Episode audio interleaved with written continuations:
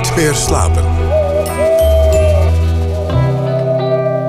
Goedenacht en welkom terug bij Nooit meer slapen.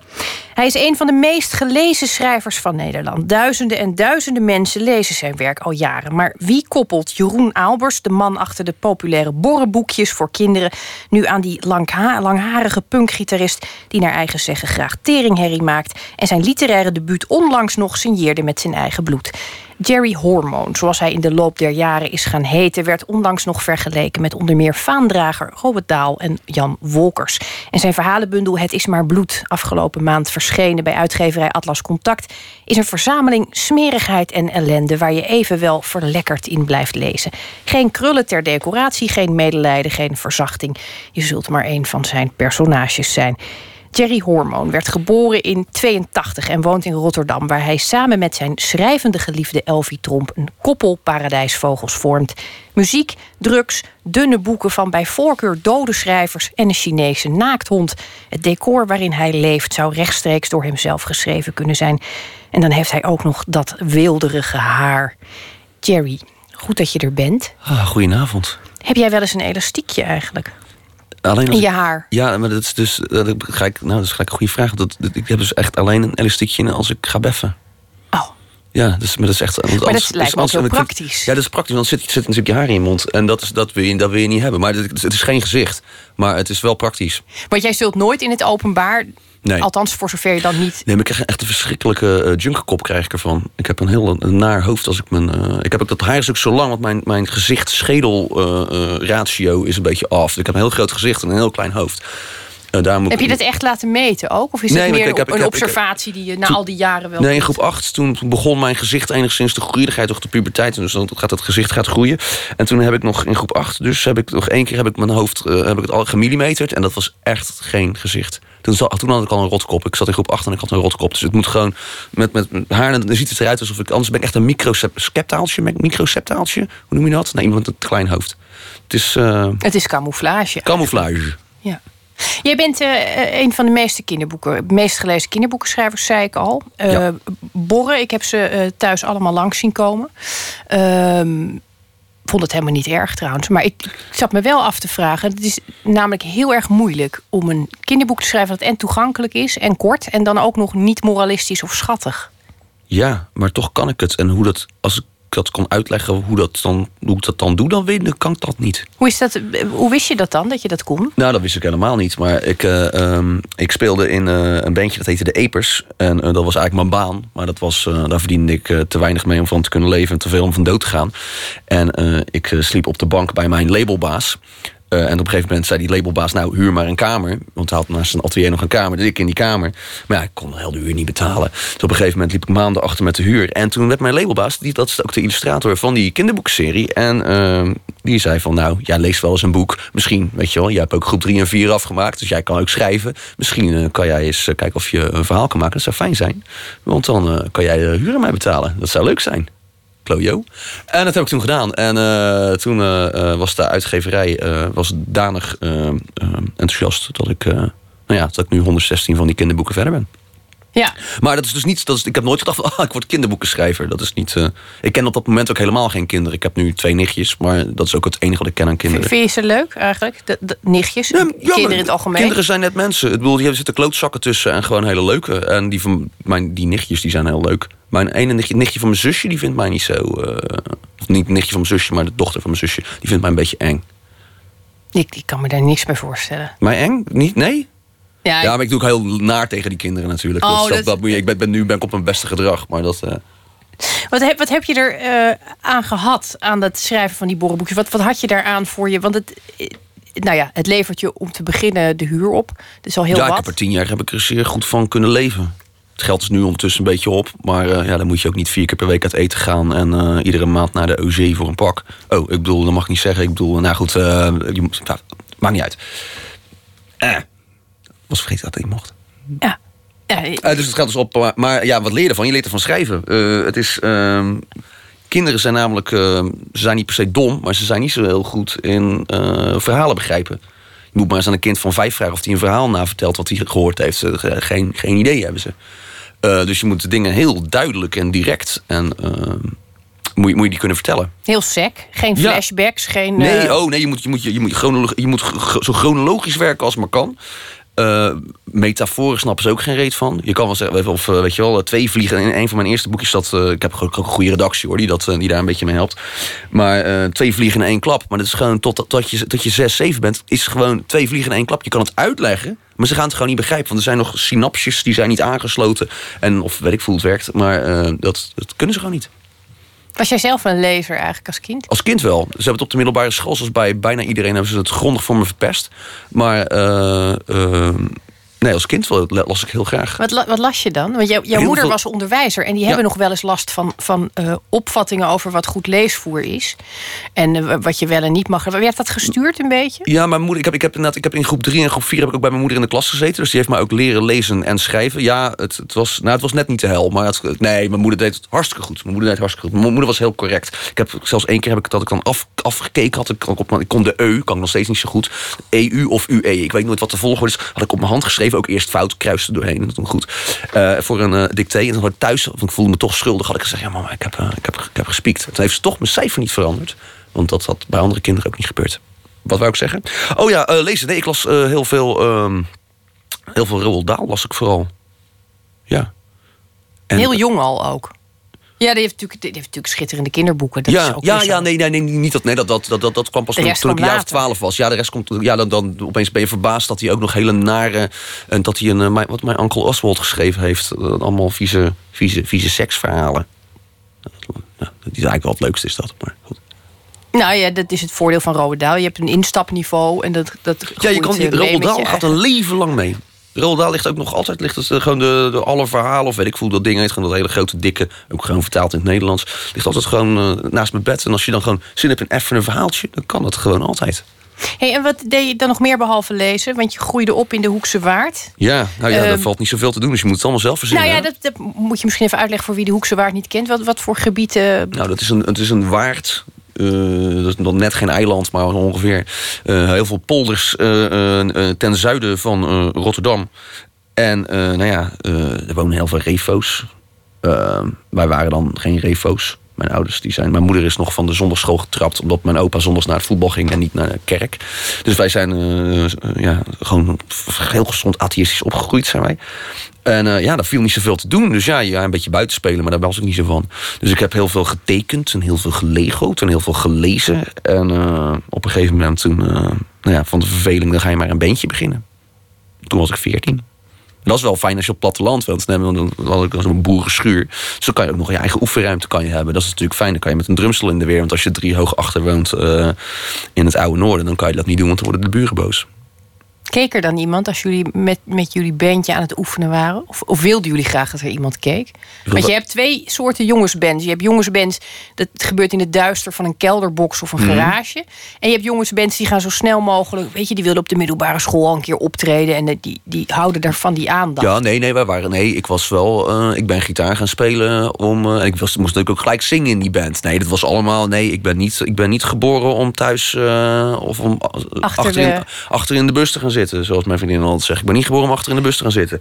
Nee, ik heb altijd al. eh, eh, vooraan willen staan. En dat eh, was met die band ook. Nee, we, we konden negen liedjes spelen en heel kut ook. Maar dat was gelijk in, in, in, in Den Haag in de Big Confusion. Wat wel leuk was, want dat was een heel klein pijpenlaadje. Eh, stonden wij te spelen tien minuten lang. En dat vond ik... Het liep, liep, liepen alle kleuren van de regenboog liepen door mijn pijpen. Maar ik vond het fantastisch. Ja, had je dan toch angst? Ja, tuurlijk. Maar, altijd, maar nog steeds, altijd als er iets nieuws is.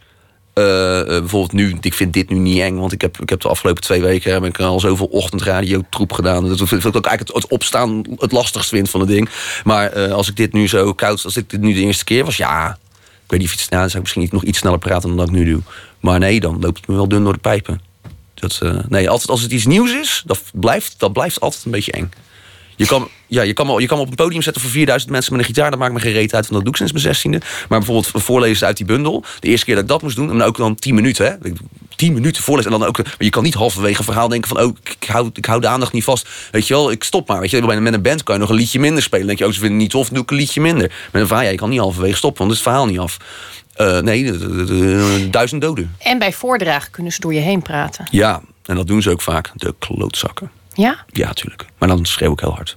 En dat lijkt me volkomen terecht. Het is maar bloed. Ja. Het is, ehm, dat is dus merkwaardig, want je hebt al heel veel boekjes die je zelf schreef in handen gehad. Mhm. Dan krijg je, uh, je, je, ja, toch literaire debuut in handen. Was dat een hele andere sensatie? Want het, nou ja, het is, het is, meestal nogal wat. Ja, nou, ik had het dus niet verwacht, omdat ik natuurlijk uh, tien jaar die kinderboeken geschreven en dan komt er iedere maand komt er gewoon komen, komen je tien auteursexemplaren komen een doosje binnen en dan kijk je dan naar, ja, weet je, dat is ook iedere keer zo. En op een gegeven moment dan, weet je, de eerste keer dan woe, en daarna op een gegeven moment dan weet je het wel. Het is gewoon vaste prik, weet je wel, de, de, bel gaat en daar, daar, heb, daar heb je de postbode met je auteursexemplaren. Dus ik had niet verwacht dat dit, maar ik heb de halve dag heb ik toch met dat boek in mijn handen gezeten en ernaar gekeken. En dat is een beetje raar, omdat ik natuurlijk zelf op de voorkant sta, een beetje narcistisch. Dus ik heb er eigenlijk een halve dag heb ik naar mijn eigen harsen staan kijken, zitten kijken. Uh, ja, ik, nee, ik vind het heel. Uh, het, het, het deed mij uh, meer dan ik dacht. Ik las dat een aantal mensen bang waren geweest hem in te kopen.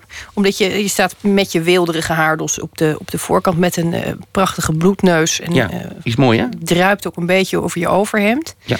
Het is een hele mooie foto, maar er, er, waren mensen die vonden het eng om hem in de winkel te hebben. Nou, ik was. Kijk, Viel het, het wel mee? Het, ja, nou, het is natuurlijk weer een hoop of ophef om niks en ophef om de ophef. Ik was in mijn uh, stamkroeg, nou ben ik niet zo vaak in die stamkroeg als de meeste stamgasten daar, maar uh, Café Walenburg, dat zit bij mij om de hoek.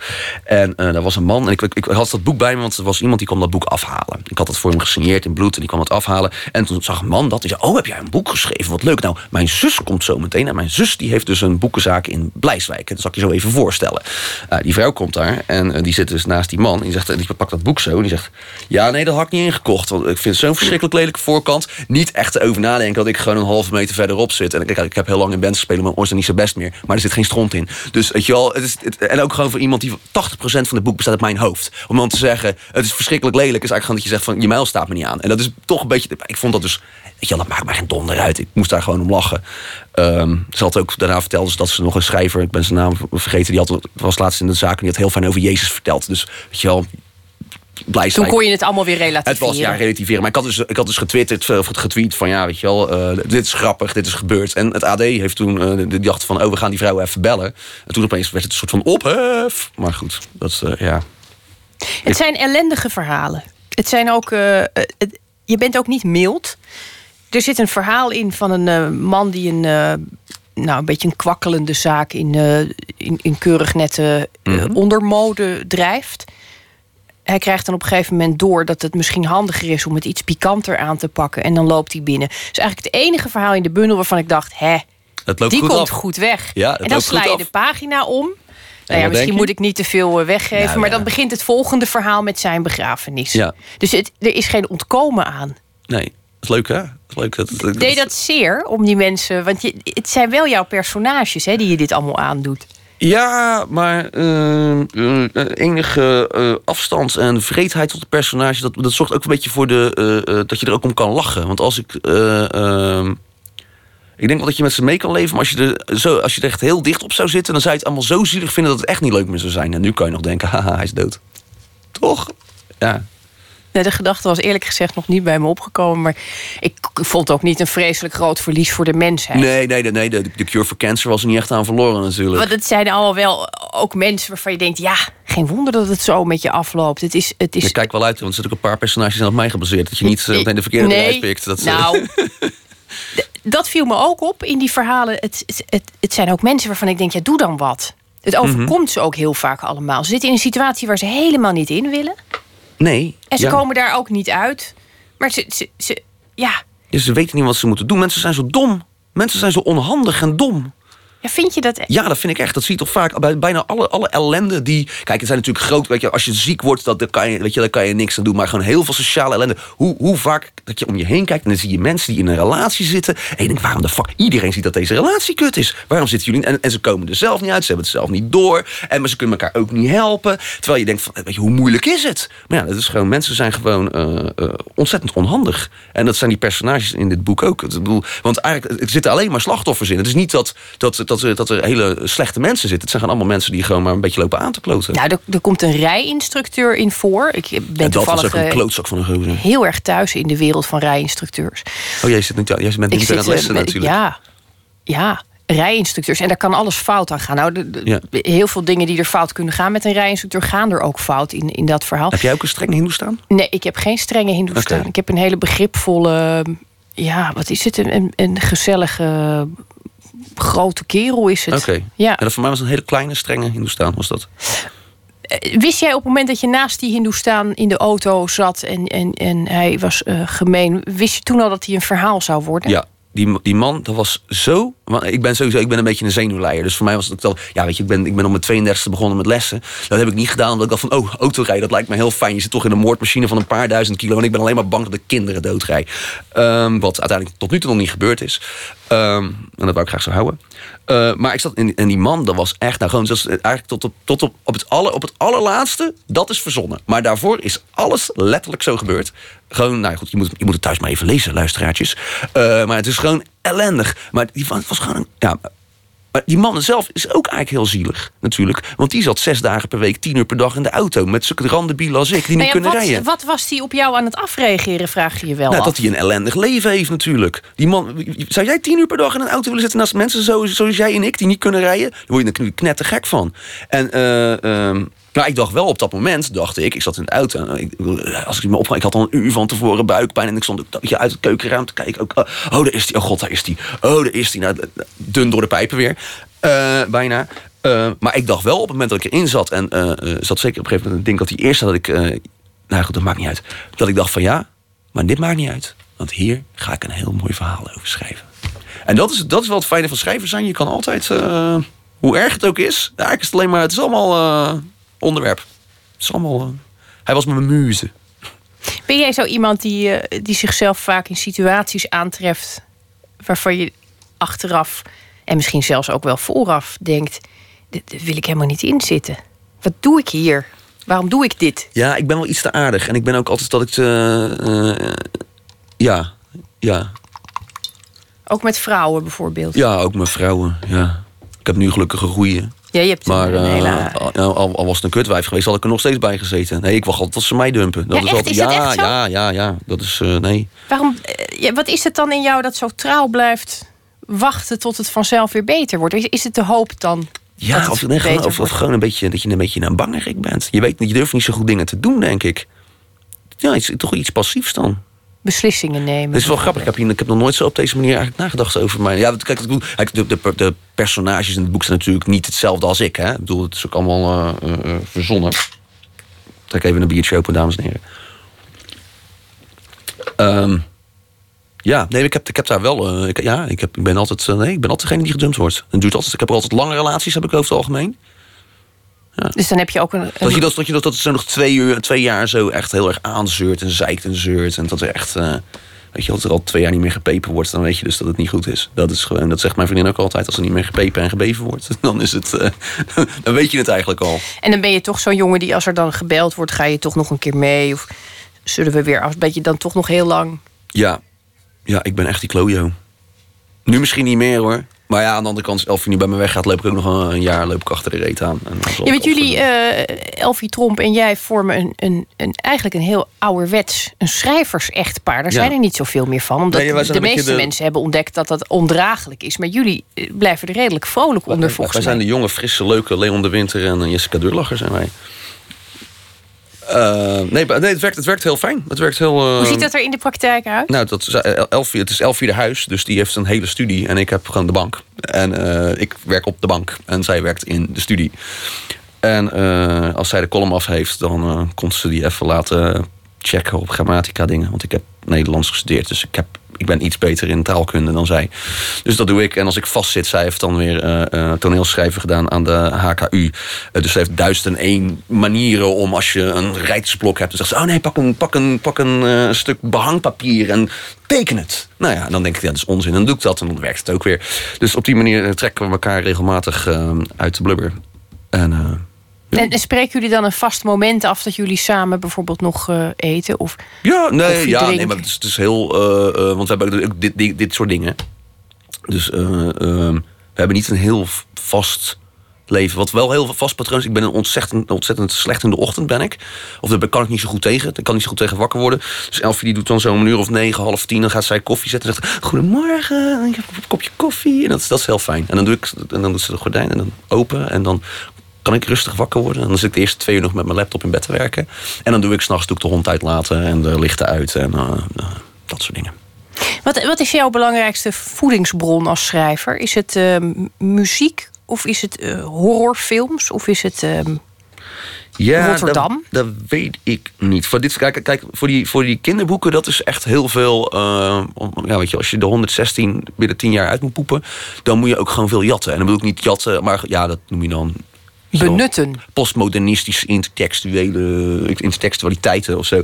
Maar dat, dat denk ik van, oh, dit is een tof science fiction film. Hier kan ik wel een soort van een stukje van het plot pakken en dat soort dingen. En uh, maar dat is bij dit boek is dat, is dat toch anders bij Het is maar bloed. Dat is toch net iets, net iets meer autobiografisch. En de dingen die niet autobiografisch zijn, zijn dan weer dingen die dan biografisch zijn. Omdat ik die van andere mensen gehoord heb. Of stukken die ik bij elkaar plak. Um, ja, ik heb daar nog niet, ik heb nog niet genoeg geschreven voor volwassenen om daar nu al een soort van uh, kant-en-klare formule voor te hebben. Nee. Ja, nee, het zou wel fijn zijn, want dan. Uh... Je kijkt wel heel veel horror. Dus ja. de fascinatie voor bloed was er. Dat zit in het boek, zie je dat de hele tijd terugkeren op allerlei manieren zit er bloed in.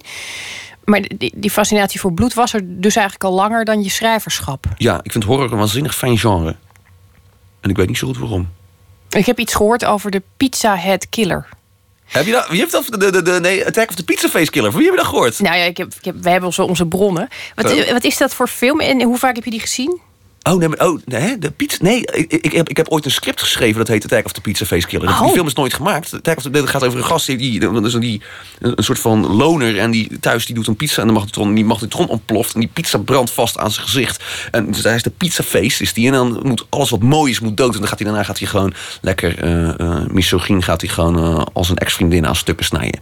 Maar dit is, dit is, ik weet niet hoe je hier aan komt. Want ik, ik heb, zie hier ik een, heb, ik heb dit script tien jaar geleden ben ik hier aan begonnen en nooit afgemaakt. Ik, ik zie je oogjes gaan glanzen. Volgens mij is dit iets wat al heel lang in de la ligt. En uh, waar, de, waar, de, ja, nou, waar het, vuur nog wel bij brandt. Ik, ik, moet er nog eens naar kijken. Nu? Ja. Nu ik dit hoor, iemand, het magnetron ontploft, een pizza brandt vast het is een beetje, Het is een beetje borren, Het is een beetje borren. Het is, het is, de enge versie van borren. Is er wel eens een borren afgekeurd trouwens, omdat je er iets te, te gruwelijks in had gestopt? Uh, nee, wel dingen die uh, wat getoond down zijn. Dat is niet echt een goed Nederlands woord, maar die wat afgezwakt zijn. Ik heb wel een paar borren die zijn afgekeurd, omdat ik er dingen in deed die gewoon niet, die waren niet super eng. Maar zal ik op een gegeven moment dat borren wil dan weten of het lichtje in de koelkast of het uit is als de koelkastdeur dicht is. En uiteindelijk gaat hij dan pluizend hier het huisdier, dat is zo'n huisdier, in de koelkast zetten, maar die kan niet praten. En dan gaat hij zelf in de koelkast zitten. Ik dacht dat het heel grappig was, maar dit zet kinderen aan tot zichzelf opsluiten in de diepvries en doodgaan. En dat is een van de regels bij kinderboeken, is dat je ze niet mag aanzetten tot zelfmoord. Dat is heel, ook niet als het per ongeluk is. Dus dat, ja. Dat is er eentje die. Het lijkt me op zich een, een, goede manier ook om je leserspopulatie op orde te houden. Als je dat soort dingen niet. Uh... Maar dat is dus de leserspopulatie, daar hoef je nooit op orde te houden. Dat is, er is niet een soort van dat dat met, met jagers dat dat, uh, op peil gaat. Dat, dat moet zoveel mogelijk.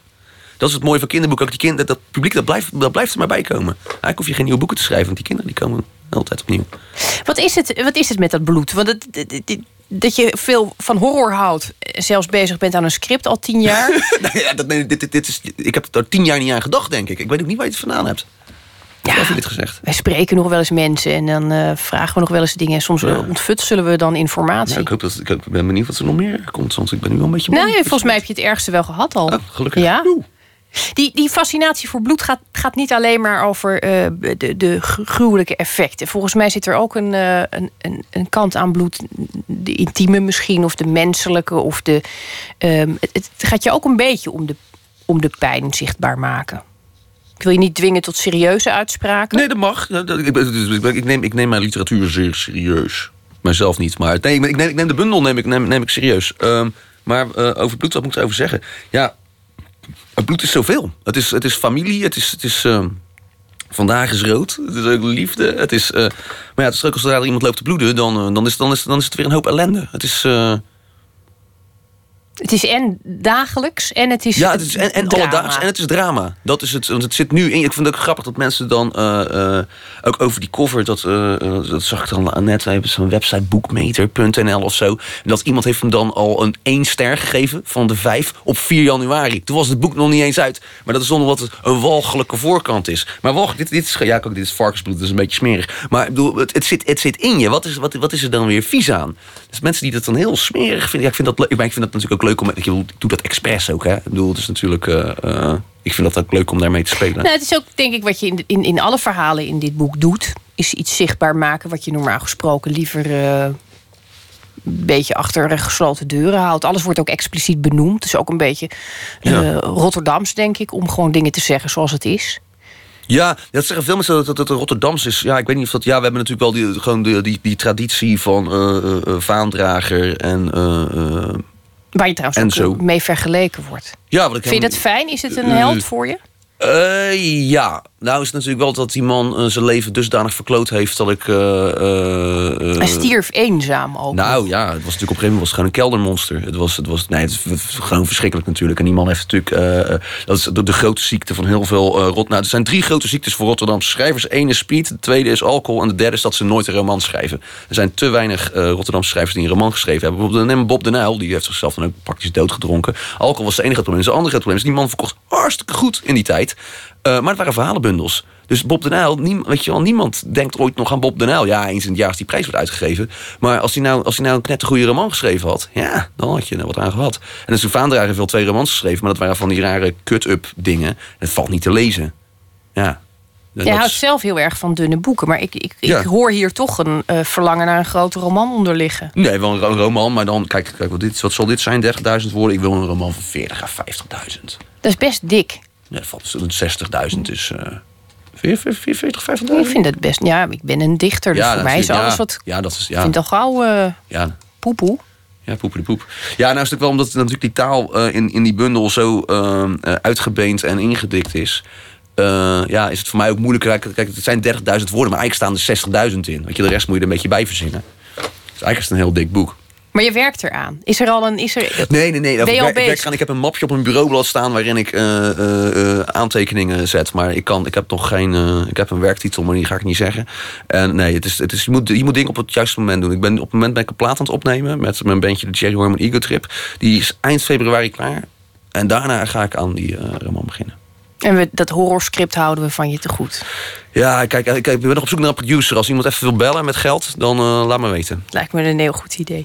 Jerry Hormo, dank je wel dat je er was. en heel veel uh, geluk met, met Het is maar bloed en alles wat volgt. Ik vond het leuk. Straks na het nieuws horen we schrijver Karin Amatmoukri... met een verhaal naar aanleiding van het nieuws van de dag. En we gaan het hebben over Matahari, de voorstelling van het Nationaal Ballet. En Helmert Woudenberg komt langs voor Open Kaart. Tot zo, na het nieuws van 1 uur.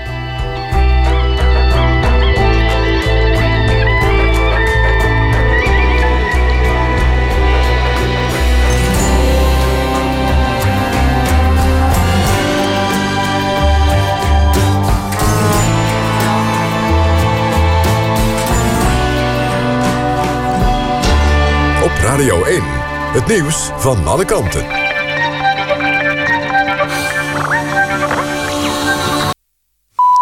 1 uur, Ewout de Jong met het NOS-journaal. Het OM is een onderzoek begonnen tegen een officier van justitie... die mogelijk zijn eigen doodsbedreiging heeft verzonnen. Officier van justitie van Delft erkent in een interview in NRC Handelsblad... dat hij fouten heeft gemaakt. Hij was belast met de bestrijding van de zware georganiseerde misdaad... en werd naar eigen zeggen sinds vorig jaar geregeld met de dood bedreigd. De stress werd hem te veel. Ook zegt hij dat er uit het criminele circuit informatie kwam... dat hij gedood zou worden. Hij heeft toen onder een valse naam gemeld dat mensen van plan waren hem te liquideren. En er werden uitgebreide veiligheidsmaatregelen genomen. De aanklager is voorlopig geschorst. Het zuiden van Taiwan is getroffen door een aardbeving... met een kracht van 6,4 op de schaal van Richter. Over slachtoffers is officieel nog niets bekend. Maar omdat de beving s'nachts was... zijn veel mensen vermoedelijk in hun slaap verrast. Er zijn meerdere gebouwen ingestort, waaronder woonhuizen. En uit één groot gebouw zijn volgens de brandweer... al meer dan 120 mensen gered. Taiwan wordt vaker getroffen door aardbevingen. In 1999 kwamen 2300 mensen om het leven... door een aardbeving met een kracht van 7,6 op de schaal van Richter. Staatssecretaris Dekker wil dat dyslectische leerlingen dit jaar toch de spellingcontrole kunnen gebruiken bij het eindexamen Nederlands. Dekker heeft het college voor toetsen en examens gevraagd om het verbod op de spellingcontrole te heroverwegen. Hij zegt dat er veel onrust is ontstaan doordat de wijziging is doorgevoerd in een lopend examenjaar. Ouders van dyslectische leerlingen zijn bang dat hun kinderen zonder spellingcontrole zakken voor het examen. Het weer, vannacht overwegend bewolkt en droog bij minima rond 7 graden. Overdag droog, meestal grijs, maar in het zuiden kans op wat zon. Het wordt een graad of 10. S'avonds neemt de wind toe. En zondag en maandag is het wisselvallig met veel wind en regen. Dit was het NOS Journaal. NPO Radio 1. VPRO. Nooit meer slapen.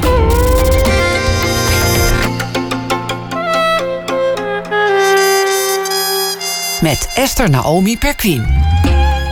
Goedenacht. Hij trad op als bemiddelaar tussen kopstukken als Rost van Tonningen en Mussert. Hendrik Jan Woudenberg, de grootvader van acteur Helmert Woudenberg. In de voorstelling Landverrader speelt Helmert zijn grootvader... en straks is hij te gast in de rubriek Open Kaart. Verder aandacht voor Matahari, maar we beginnen dit uur met een schrijver of dichter die reageert op wat er vandaag in de wereld gebeurde. En deze week doen we dat met schrijfster Karin Amatmoukrim. Ze publiceerde tot dusver vijf romans, waaronder Het Knipperleven, Het Gim en meest recent De Man van Veel. Karin, goedenacht.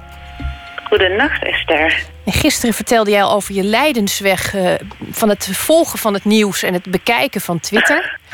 Dit is je, je laatste dag deze week. Je hebt, uh, je hebt je moeten onderdompelen in het wereldse leven. Had je een, uh, een, een, een, een, feestelijk bericht vandaag? Een, mooie aanleiding gevonden? Um, nou, ik had eigenlijk al een heel stuk geschreven. En uh, toen kwam ik een berichtje tegen over uh, een jongen op een marktplaats. En dat haakte op de een of andere manier heel goed in op het eerste stuk wat ik deze week had geschreven. Uh, over Nadia.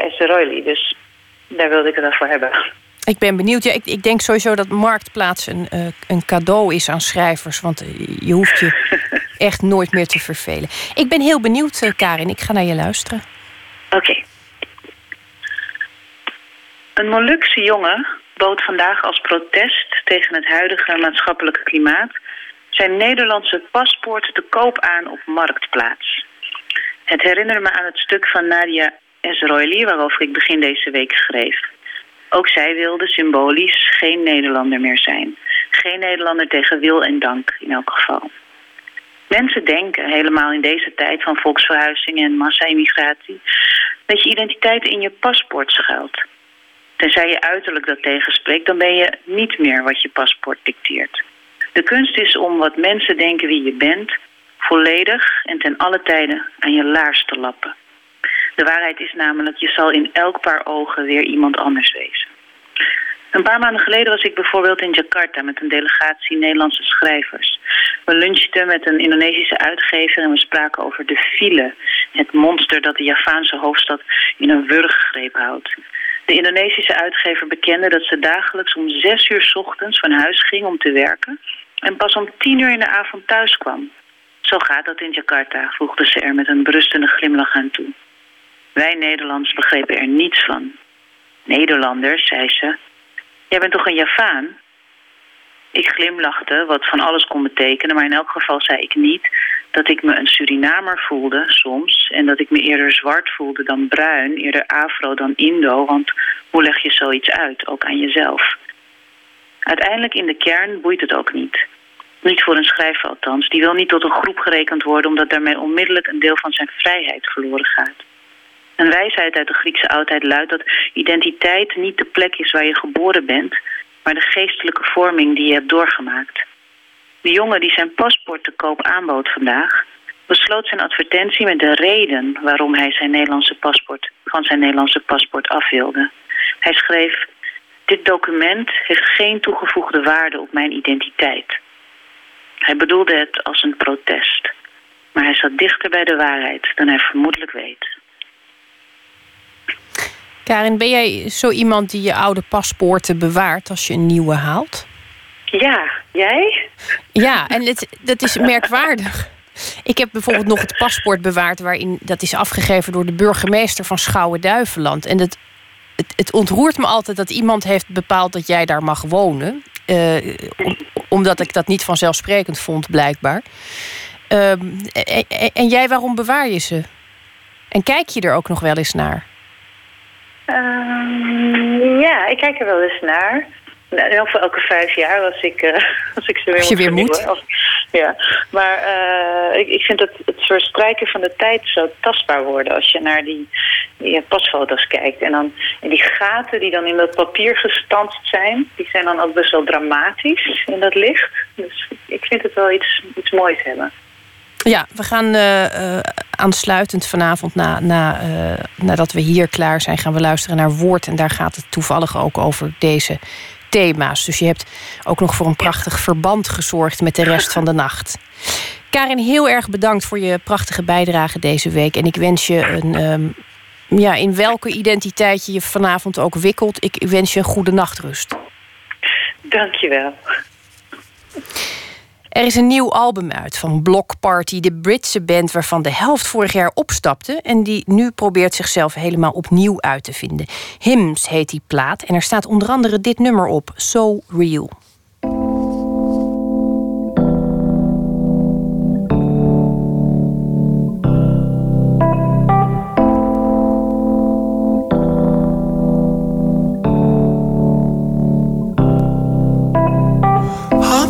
First comes to me and bursts. You danced with him whilst I could see you.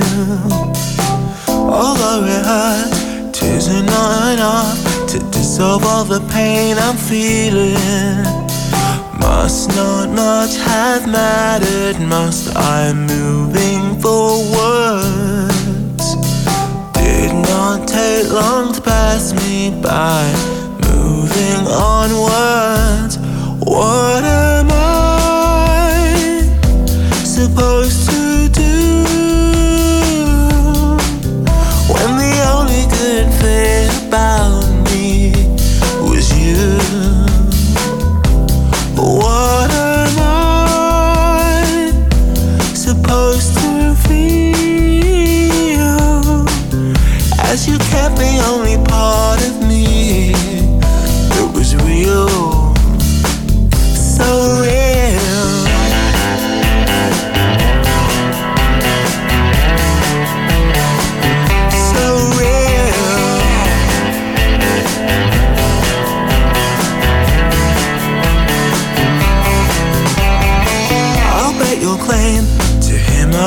insane. Too much like a girl, I bored you. Release the dog, let grace into your world. Be still your wicked tongue, I loved you. Once before cracks did show, I know I pleased you.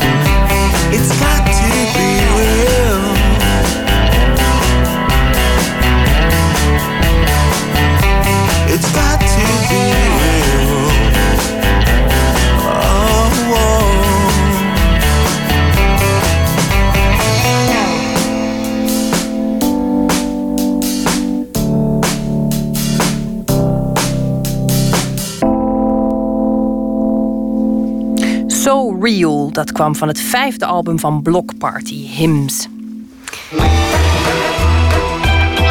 Nooit meer slapen. Mata Hari, de wereldberoemde dubbelspionne, werd geboren als Margaretha Zelle in Leeuwarden. En met haar exotische dansen werd ze de Lady Gaga van haar tijd.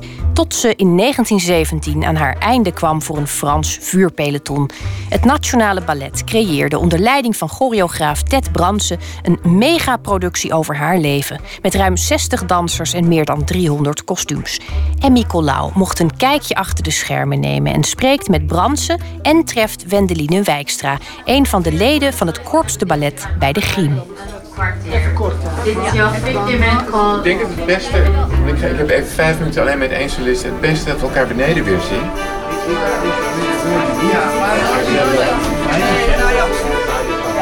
Dit zijn hele spannende en hele hectische dagen. Want dit zijn de dagen waarin uh, alle elementen van het, uh, van het grote ballet Matahari bij elkaar komen.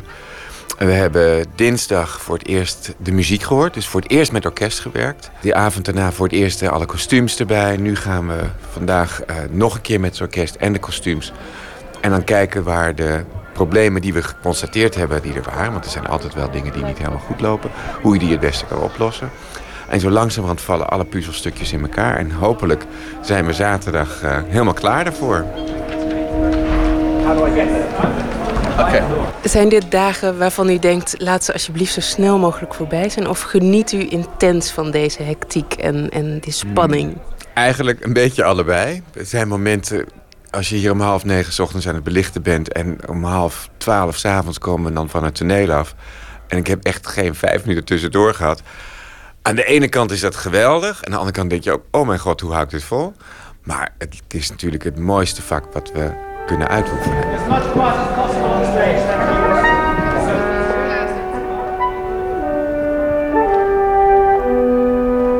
Wanneer begon uw fascinatie voor Matahari?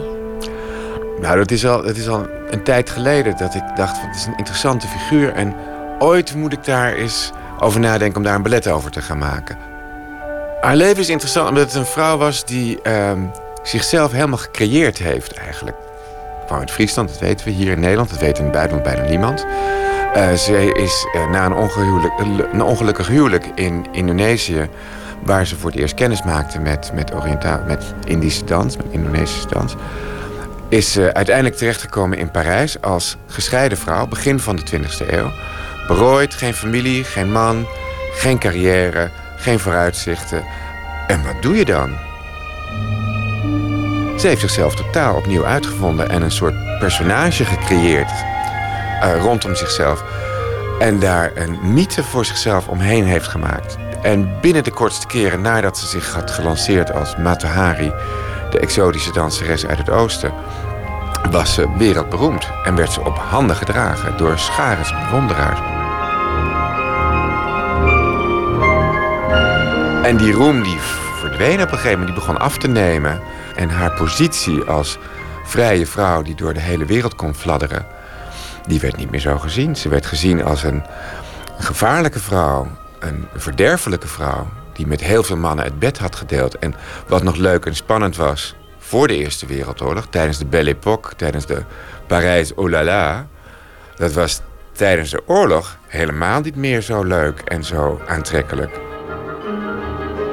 Vier minuten. This is your four minute call. Four minutes for the soloist rehearsal of Matahari. Hoi, ik ben Lina. Ik doe nu de Cancan, dus de Moulin Rouge. Um, en dan in de tweede acte ben ik een van de Sylphide meisjes in de Diaghilev scène. Vanmiddag is een tweede kastrepetitie voor de tweede kast solisten. Uh, omdat we vanavond eerste kast doen. En dan ben ik een van de tantes van Matahari. Ten opzichte van de bovenwimpers. Voor mij is het de eerste keer dat ik deze rol doe. Dus ik weet ook nog niet precies wat er gaat gebeuren met kostuums en make-up en pruiken. Dus het is voor mij ook nog even spannend vanmiddag. Ja. En deze chaos hier om je heen, ben je dat gewend? Ja, vind ik juist heerlijk. Vind ik altijd heel leuk. Want dan betekent dat we dicht bij de première komen. En dan wordt de spanning altijd een beetje opgevoerd. Maar dan komt alles ook samen. Na alle maanden repeteren. Dan uh, is het nu echt bijna af. Dus dat vind ik altijd heel leuk. En nu sta ik hier naast je vragen te stellen. Maar normaal, dit moment, als er zo aan je haar gefrunnikt wordt, zeg ik heel oneerbiedig. Wat, wat is dat dan normaal voor moment? Nou, we zijn wel heel erg gewend om voordat we een voorstelling hebben of een, uh, of een repetitie om er vroeg te zijn. Dus eigenlijk uh, alle voorbereidingen uh, zijn ook een soort concentratie voor wat je straks gaat doen.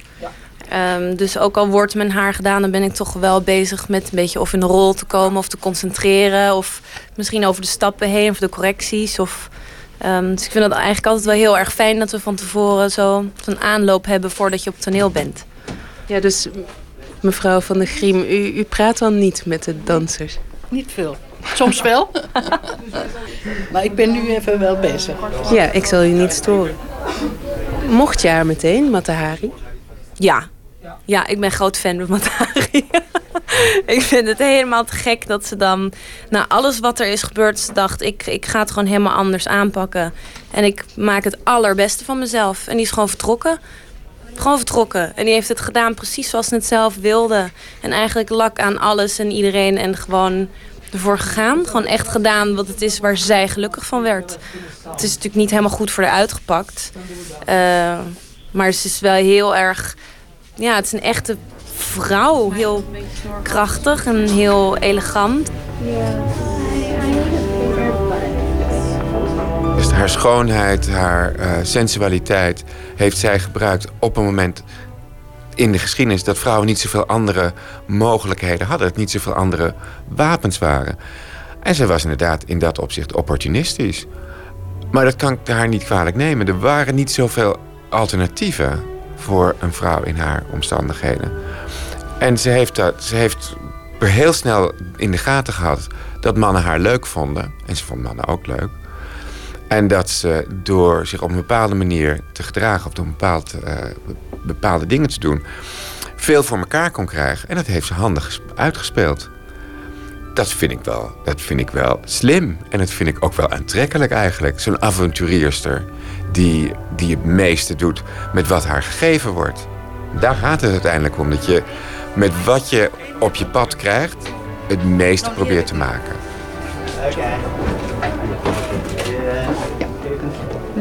Wendelin, kan je zeggen hoe je er nu uitziet? Uh, heel kleurrijk.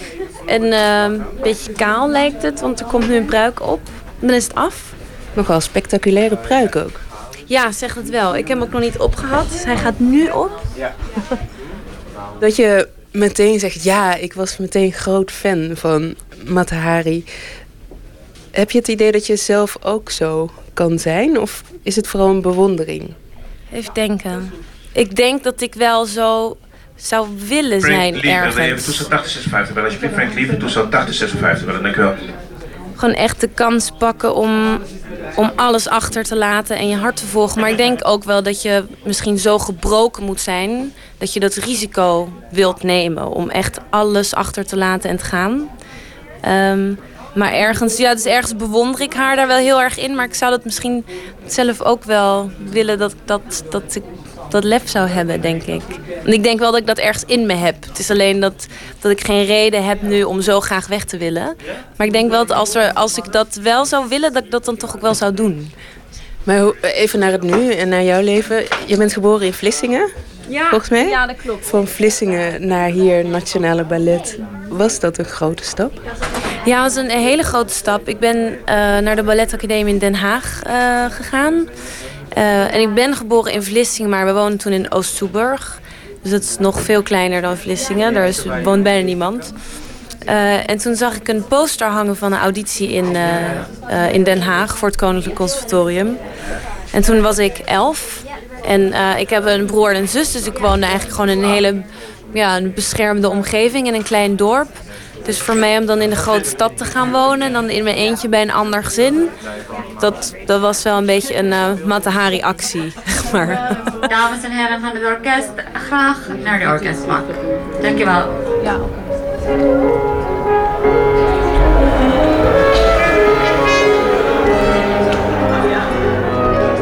Ted Brandsen, heeft u vrouwelijke rolmodellen in uw leven gehad? Of vrouwen die u heel erg beïnvloed hebben?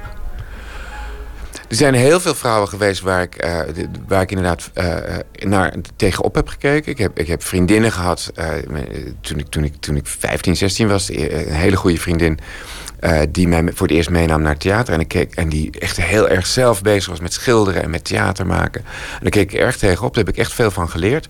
Ik heb docenten gehad waar ik, waar ik veel aan gehad heb. En er zijn natuurlijk in de balletwereld... die, die, die staat bol van sterke vrouwen... Want eigenlijk als je nagaat, alle grote balletgezelschappen... zo'n beetje in de wereld... zijn op een bepaald moment of geleid of opgericht... of voortgepusht door hele sterke, dominante vrouwen. Balanchine, uh, George Balanchine, beroemde choreograaf... zei, natuurlijk, zei, zei altijd, ballet is woman. En eh, het is inderdaad een kunstvorm die heel erg geassocieerd wordt met het vrouwelijke. Want het gaat over intuïtieve, associatieve dingen. Het gaat niet en het gaat over gevoelens, het gaat over schoonheid en fysieke schoonheid. En uh, dat is een kunstvorm waar, waar vrouwen echt uh, een grote rol spelen en altijd gespeeld hebben. En ik denk dat, uh, dat het een heel ander milieu is, een hele andere achtergrond heeft dan, dan bijvoorbeeld de theater- of filmwereld.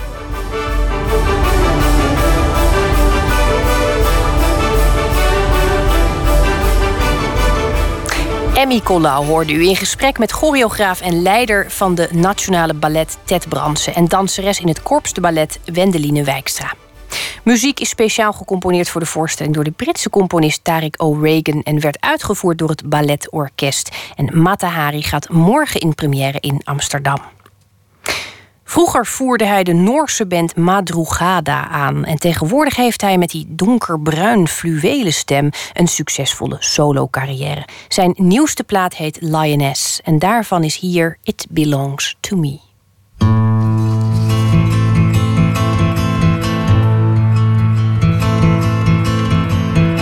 You cannot have everything, not all you're craving, no. When I'm in my room, you cannot reach me anymore. The air is ripe with promises of places I am going.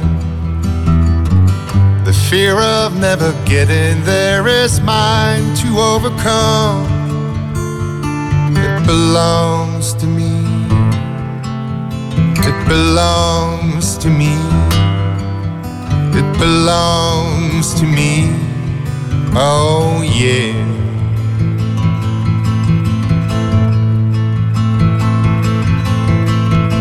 I will sow my seeds again and I'll water them with wine.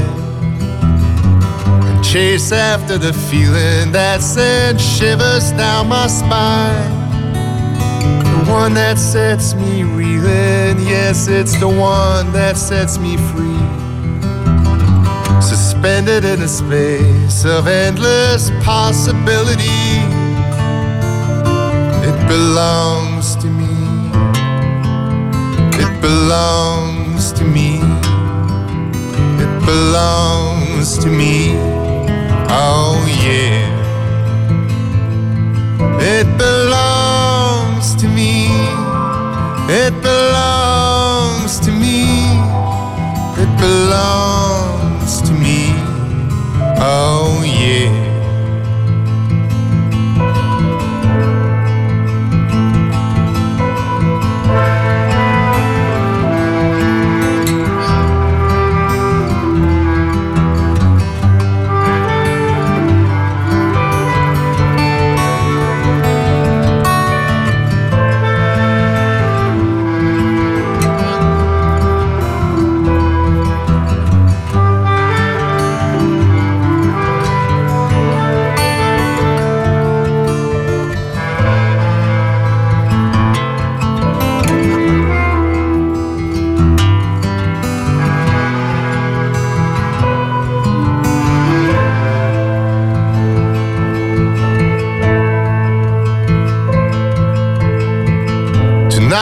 sing my song to you and you may sing along.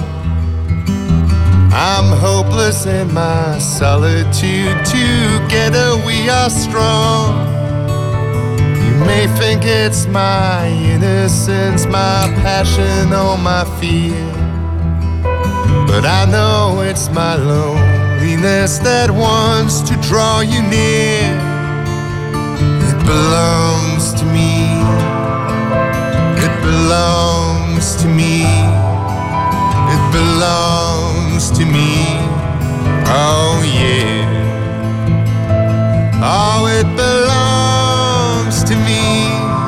It belongs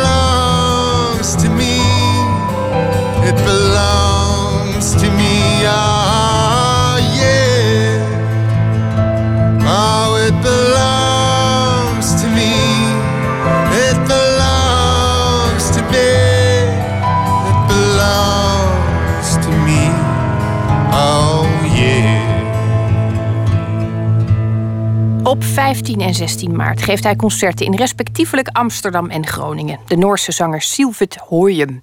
Hier hoorde u It Belongs to Me. Open kaart.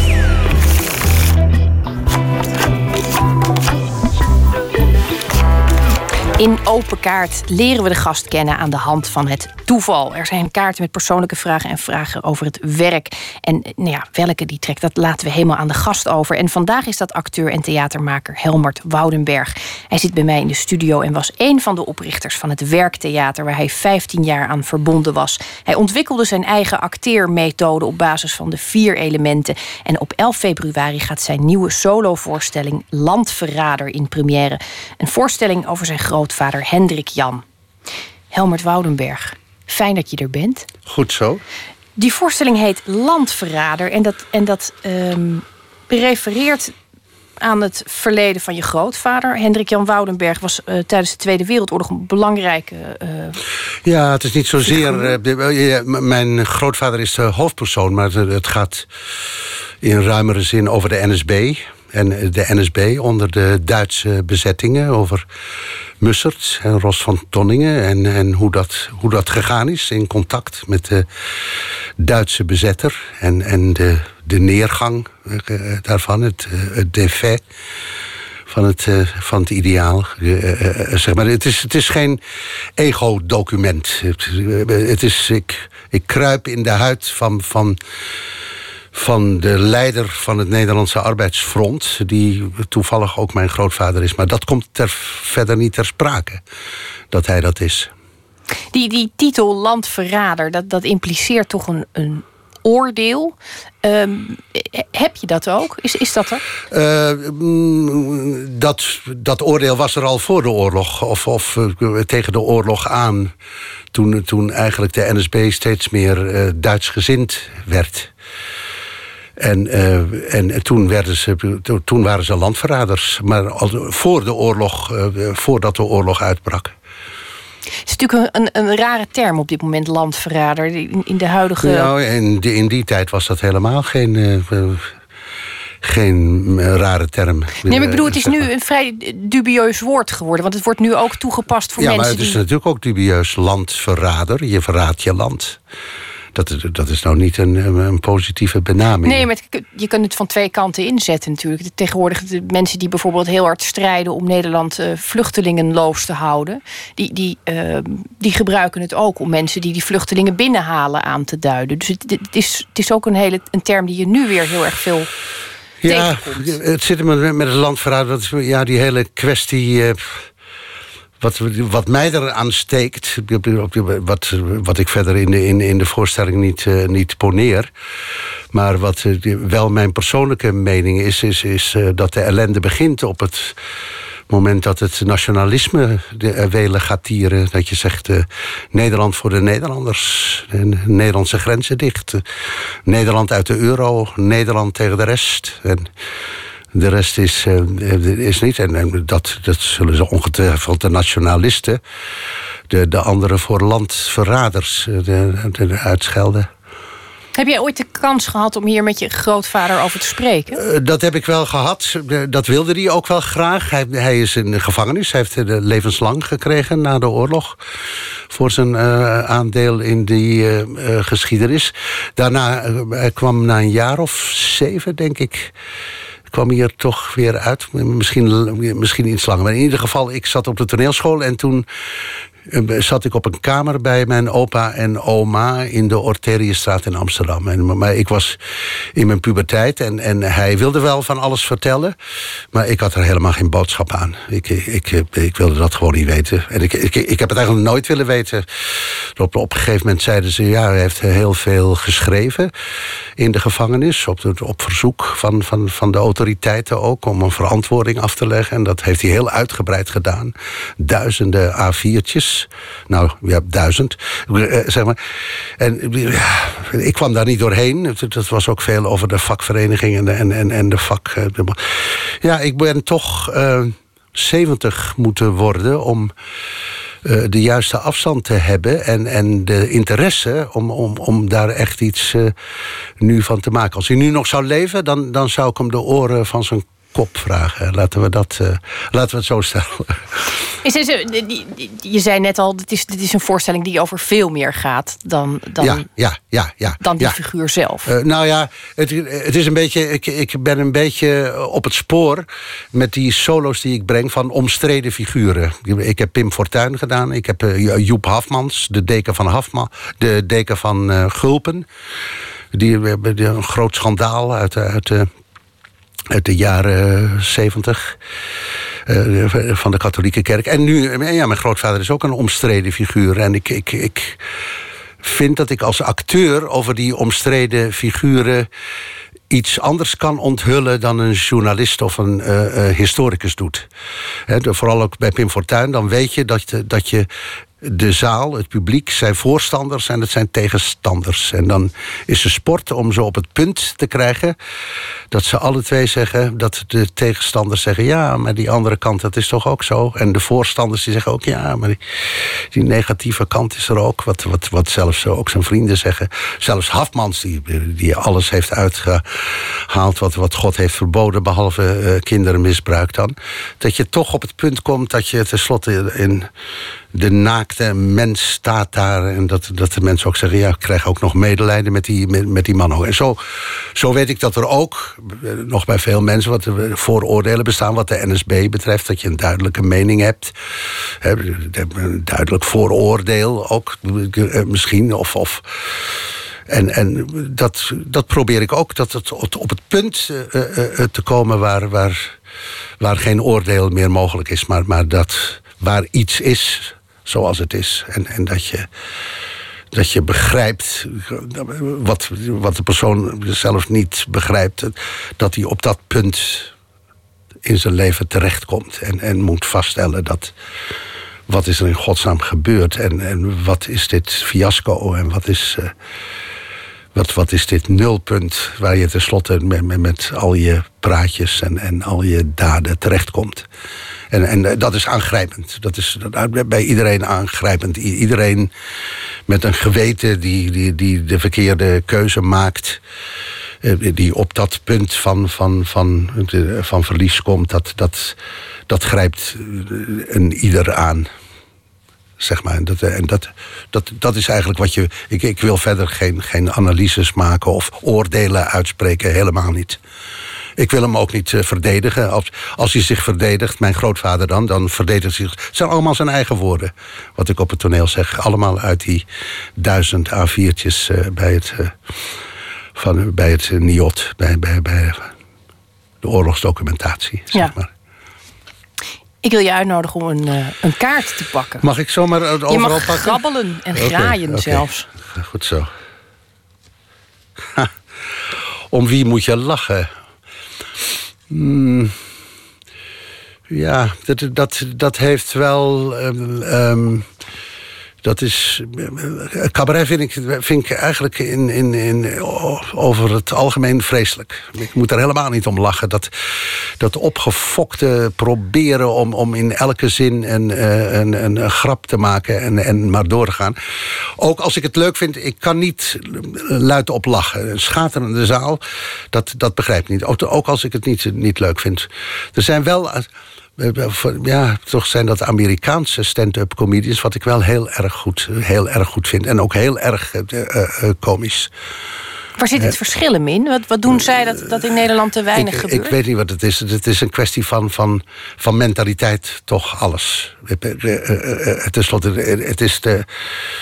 Het, het is de juiste uh, mentaliteit het is de mentaliteit van, van de kijk van, van, van iemand die je treft. Herman Vinkers vind ik, vind ik goed. Dat vind ik ook om te lachen.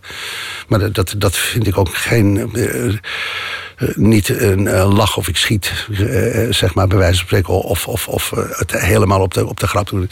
Het, het, het zegt tegelijkertijd iets. Het... het het, het, het, deelt je, het deelt je iets mee. Ik hou ook heel erg van, van, van comedy als, als, als films of, of blijspelen als, als toneelstuk. Terwijl ik ook helemaal niet van, van kluchten hou als, als ze op een bepaalde manier gedaan worden. Zodra je merkt dat de bedoeling is je aan het lachen Ja, te maken, ja, haak ja. je eigenlijk af, denk ik. Ja, ja, ja, ja. Als, als lach of ik schiet. En, en dat, dat, dat, dat, dat bevalt mij helemaal niet. Mag ik je uitnodigen? Heb je een fobie? Hmm. Nee, ik, ik ben wel gehecht aan, aan, aan, aan rituelen. Uh, zeg maar, dat is geen fobie, maar, maar, maar, soms dan heb je... Ik had een, tijdje hoge bloeddruk. En, en dan schrijft de internist uh, je dingen voor, ook, ook, ook, ook, ook, ook medicijnen. En daar, daar hou ik me aan. Daar hou ik mee. Ik doe alles. Ehm, dan moet je je lichamelijk bewegen. Je moet die pillen slikken. Je moet je rustig houden. Je moet je bloeddruk meten. Dat doe ik allemaal. Ik ben een ideale patiënt volgens mijn internisten. En zo is het ook met mijn gebit. Dan zegt hij, ja, je moet het met die raggertjes moet je het doen. En dan na elke maand. En dat doe ik.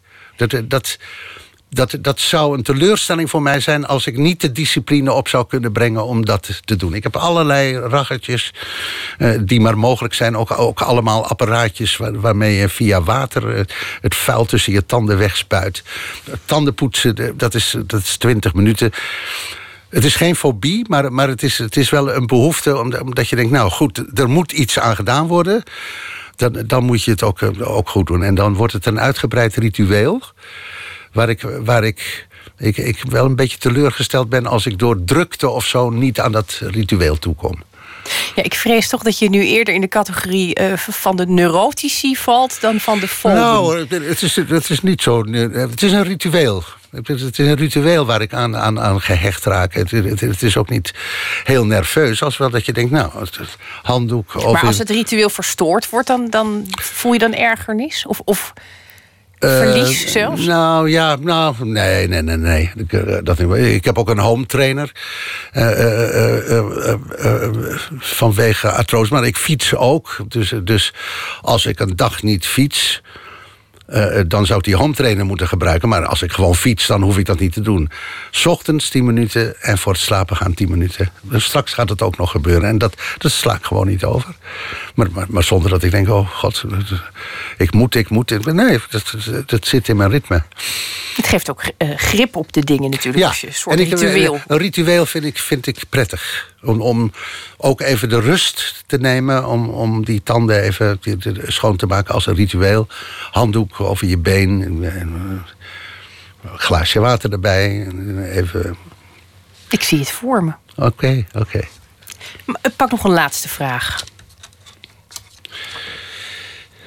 Kun je goed, helemaal niet. Kun je goed met geld omgaan? Is dat? Nee, dat, dat, dat kan ik niet. Ik, ik, geef dat, ik geef dat uit. Als ik boodschappen doe, het is allemaal, het is allemaal, het is allemaal te veel. Laatst, laatst was er iemand, ja, misschien is dat wel echt. Uh, iemand uit Syrië was het. Die had, hij sprak geen Nederlands, hij sprak een beetje Engels. Maar hij had een papier bij zich. Uh, uh, waarop stond: Ik kom uit Syrië en ik uh, zoek onderdak voor vannacht met mij en mijn gezin. Op de andere kant van dat papier stond een foto van dat gezin. Een heel vrolijk gezin, jonge mensen. En hij zelf was ook nog jong en, en, en met kinderen. En, en hij zei: Please give me, give me some money for I, have to sleep uh, somewhere with my family en met ik dacht ja dat, het zou best wel eens kunnen dat het, dat hele papier verzonnen is en dat, dat ik hier met een, gewoon met een oplichter uh, uh, te doen heb en, maar toch, ik, ik had veel klein geld. Ik had ongeveer 2 euro's.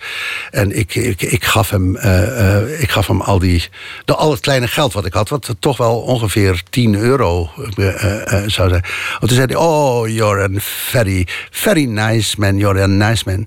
All, other people are not nice in Holland. You are very nice. But I have to sleep. It is 30 euro. 30 euro for my family.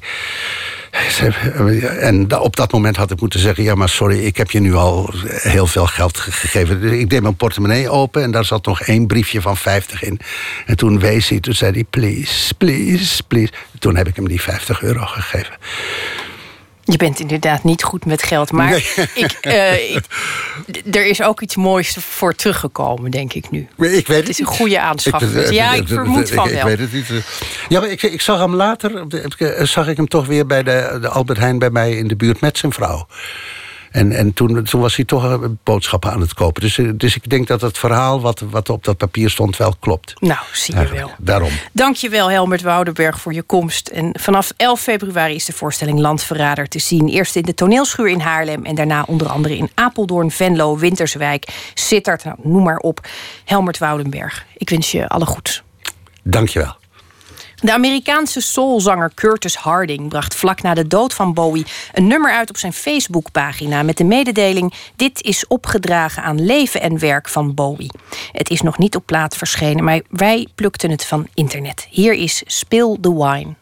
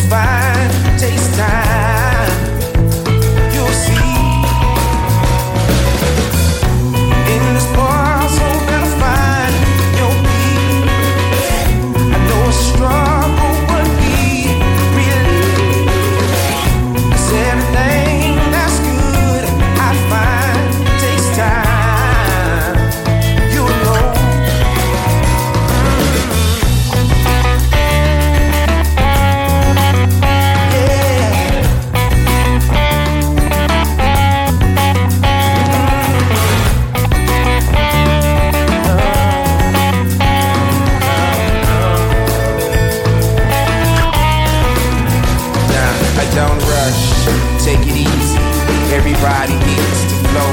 Cause when you rush, you miss certain things on the way, and you got so far to go. So get it together and let's think. Cause we all are the same. And if you miss your chance in life to dance, you only have yourself to blame.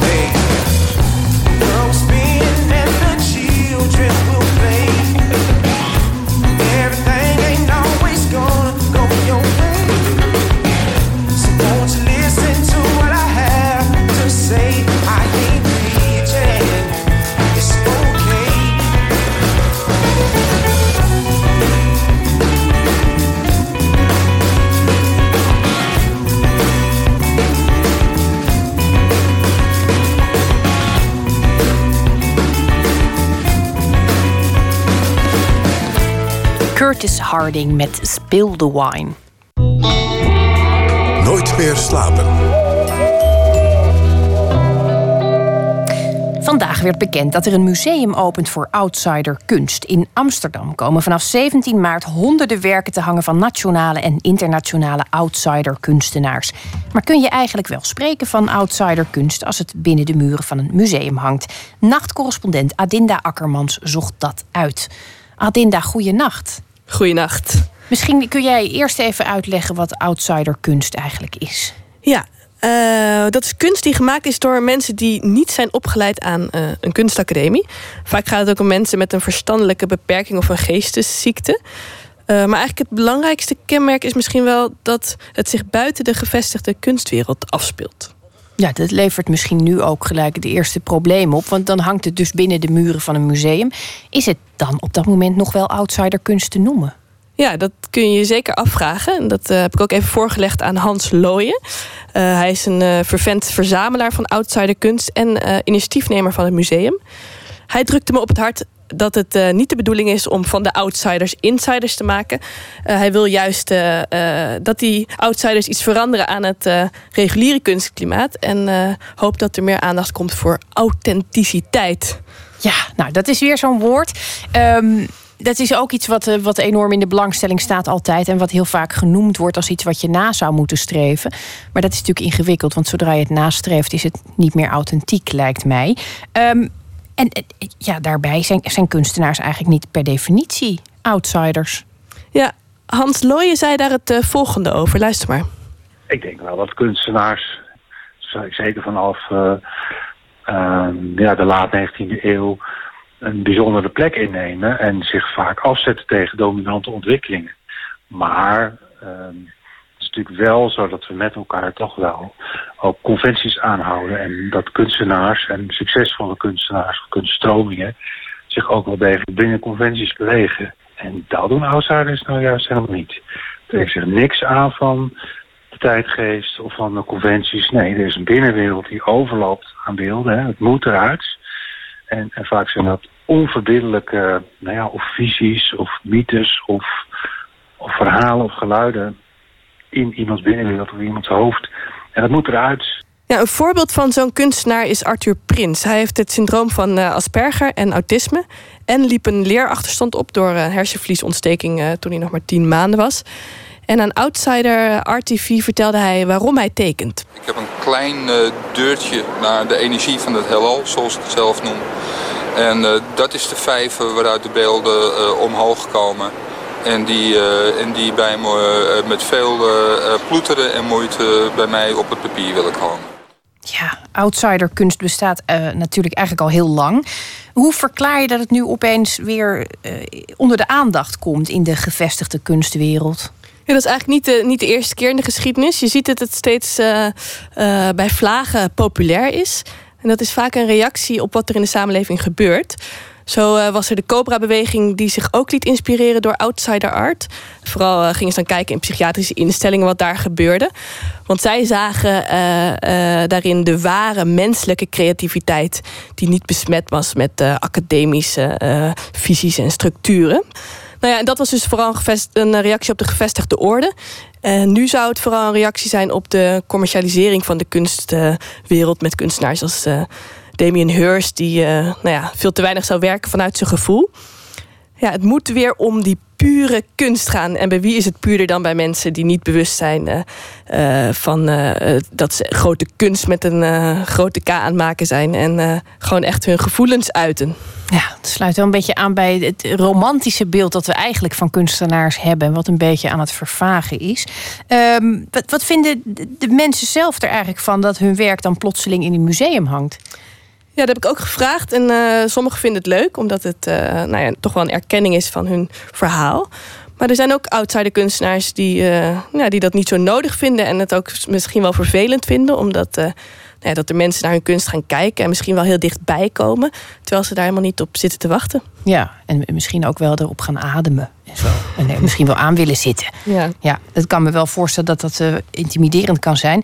Um, kun je eigenlijk gewoon op het blote oog, los van context, outsiderkunst onderscheiden van insiderkunst?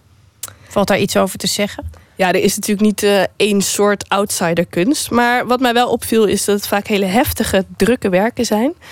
Uh, veel droedels, weet je wel, wat, er, wat je maakt als je aan het telefoneren bent. Maar goed, tegelijkertijd is het onderscheid natuurlijk ook een beetje artificieel. En uh, vond ik ook wel grappig, want ik was uh, vandaag even bij uh, acteur Dick van Toorn. Hij is een grote verzamelaar van outsider art. En tussen al die werken, die outsider art werken, hing ook een schilderij van Anton Heijboer. En dat is officieel natuurlijk helemaal geen outsider kunstenaar. Maar volgens Van Toorn werkt hij wel vanuit diezelfde motieven. Niet vanuit kennis, maar vanuit het onderbewuste. En juist dat gegeven maakt het uh, voor hem uh, tot interessante kunst. Voor mij is hele goede kunst vaak onderbewust en is het resultaat van wat er uit dat onderbewustzijn wordt gemaakt zo verrassend dat je daar eindeloos naar kan blijven kijken van wat zou er nou precies de bedoeling van wezen. En dat maakt voor mij het ook wel interessant en kunst dat er iets een spanning zit in het werk waardoor je er uh, na jaren nog steeds denkt jeetje wat is het wat is het wat spannend.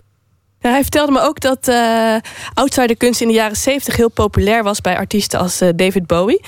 Want in de tijd van de flower power en geestverruimende middelen werd eigenlijk alles dat voortkwam uit het onderbewuste als iets heel moois gezien. Na die tijd is het weer een tijdje minder uh, populair geweest. Van Toorn vertelde me dat oud museumdirecteur Roddy Voegs een keer bij hem op bezoek kwam en zijn kunst geen blik waardig gunde. Nou, dat staat natuurlijk een beetje symbool voor hoe de gevestigde orde tegen dat soort kunst aankijkt. Maar dat is nu dus aan het veranderen. Sommige uh, outsider kunstenaars leveren heel veel. Uh, nee, die verdienen heel veel geld met hun werk. En uh, er zijn steeds meer tentoonstellingen en nu een heus museum. Ja, is dit echt het eerste outsider art museum eigenlijk?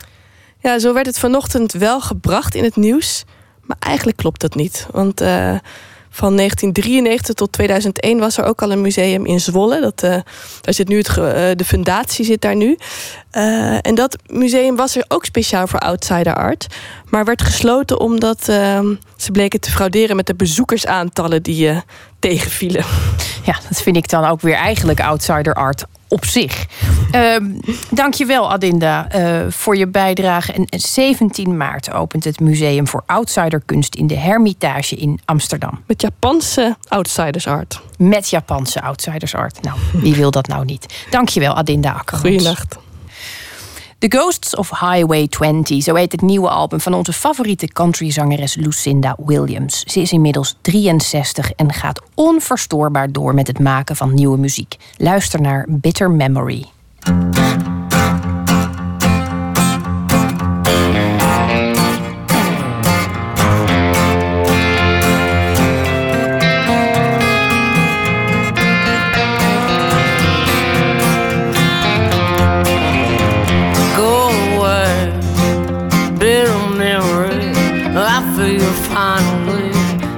Stay away from me.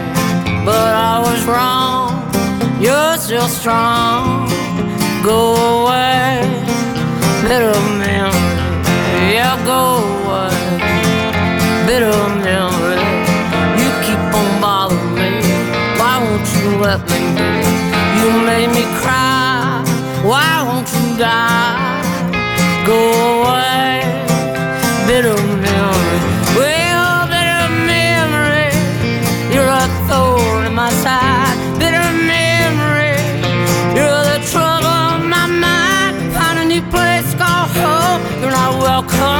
anymore. Let me show you to the door, bitter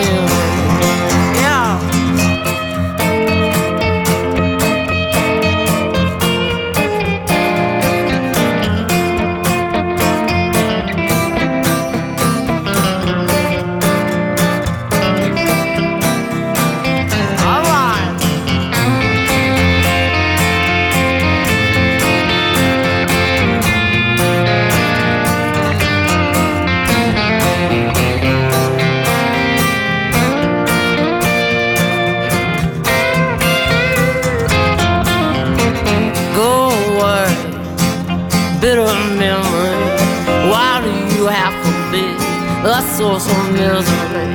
Leave me alone, let me live on. Go away, bitter memory. Yeah, go away, bitter memory. Yeah, quit constantly interrupting me. Don't come around, you lonesome sound. Go away,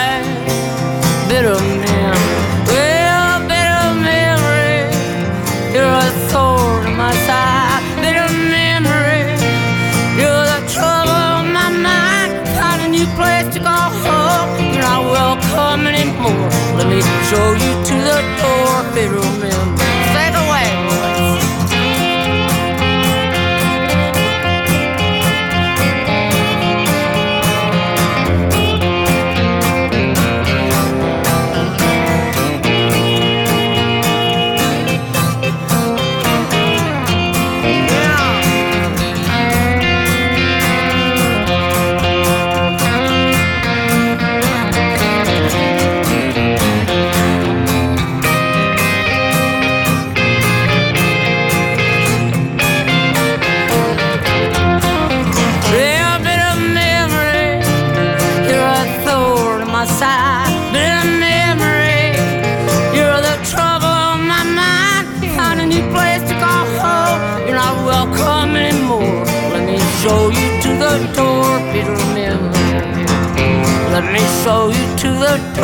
mill.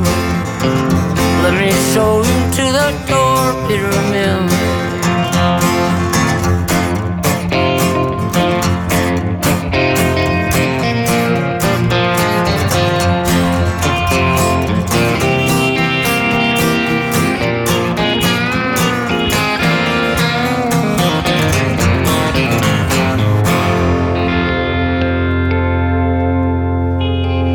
Ze noemen haar wel de Cosmic Queen of Americana Music, Lucinda Williams. En u hoorde hier haar met Bitter Memory. De dichter die u van uw dagelijkse dosis poëzie zal voorzien is deze week Fred Penninga. Op zijn veertigste verscheen zijn eerste roman Ilse. Vier jaar later zijn eerste dichtbundel In Vriendschap. En sindsdien zijn er nog vier bundels verschenen. Een hardwerkende dichter dus. En vandaag leest hij een gedicht van zichzelf, Een kleine wereld.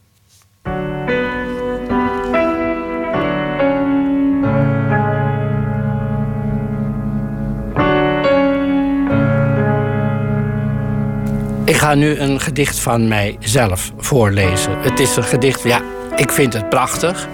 Wat ik eh, om die reden ook een paar keer heb eh, ingestuurd voor de Turing Gedichtenwedstrijd. Dat is een poëtisch dingetje in eh, Nederland.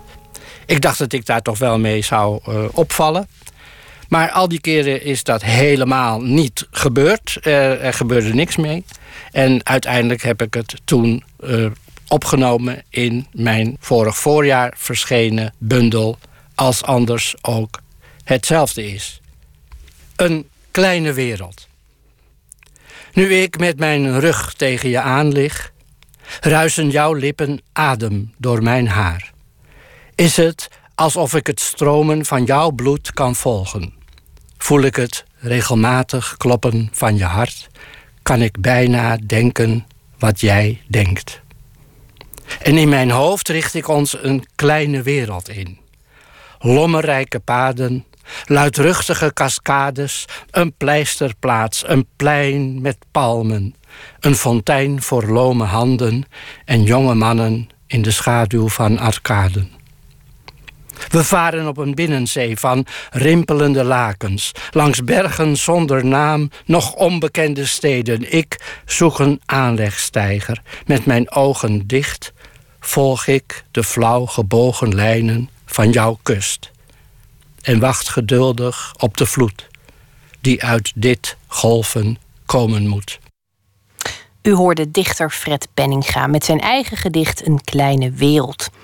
Ik vertel nog iets over maandag. Dan is acteur Hajo Bruins de gast. Hij komt praten over de voorstelling El Camino, die hij samen met Jacqueline Blom speelt. El Camino is een tragicomedie over de schoonheid van allesomvattende vriendschap. En Hajo Bruins gaat daarover in gesprek met collega Pieter van der Wielen. Straks kunt u luisteren naar het programma Woord, waarin het vannacht zal gaan over identiteit, onder andere met mooie fragmenten. En het wordt vannacht gepresenteerd door Botte Jellema. Ik wens u voor nu een goede, rustige nacht.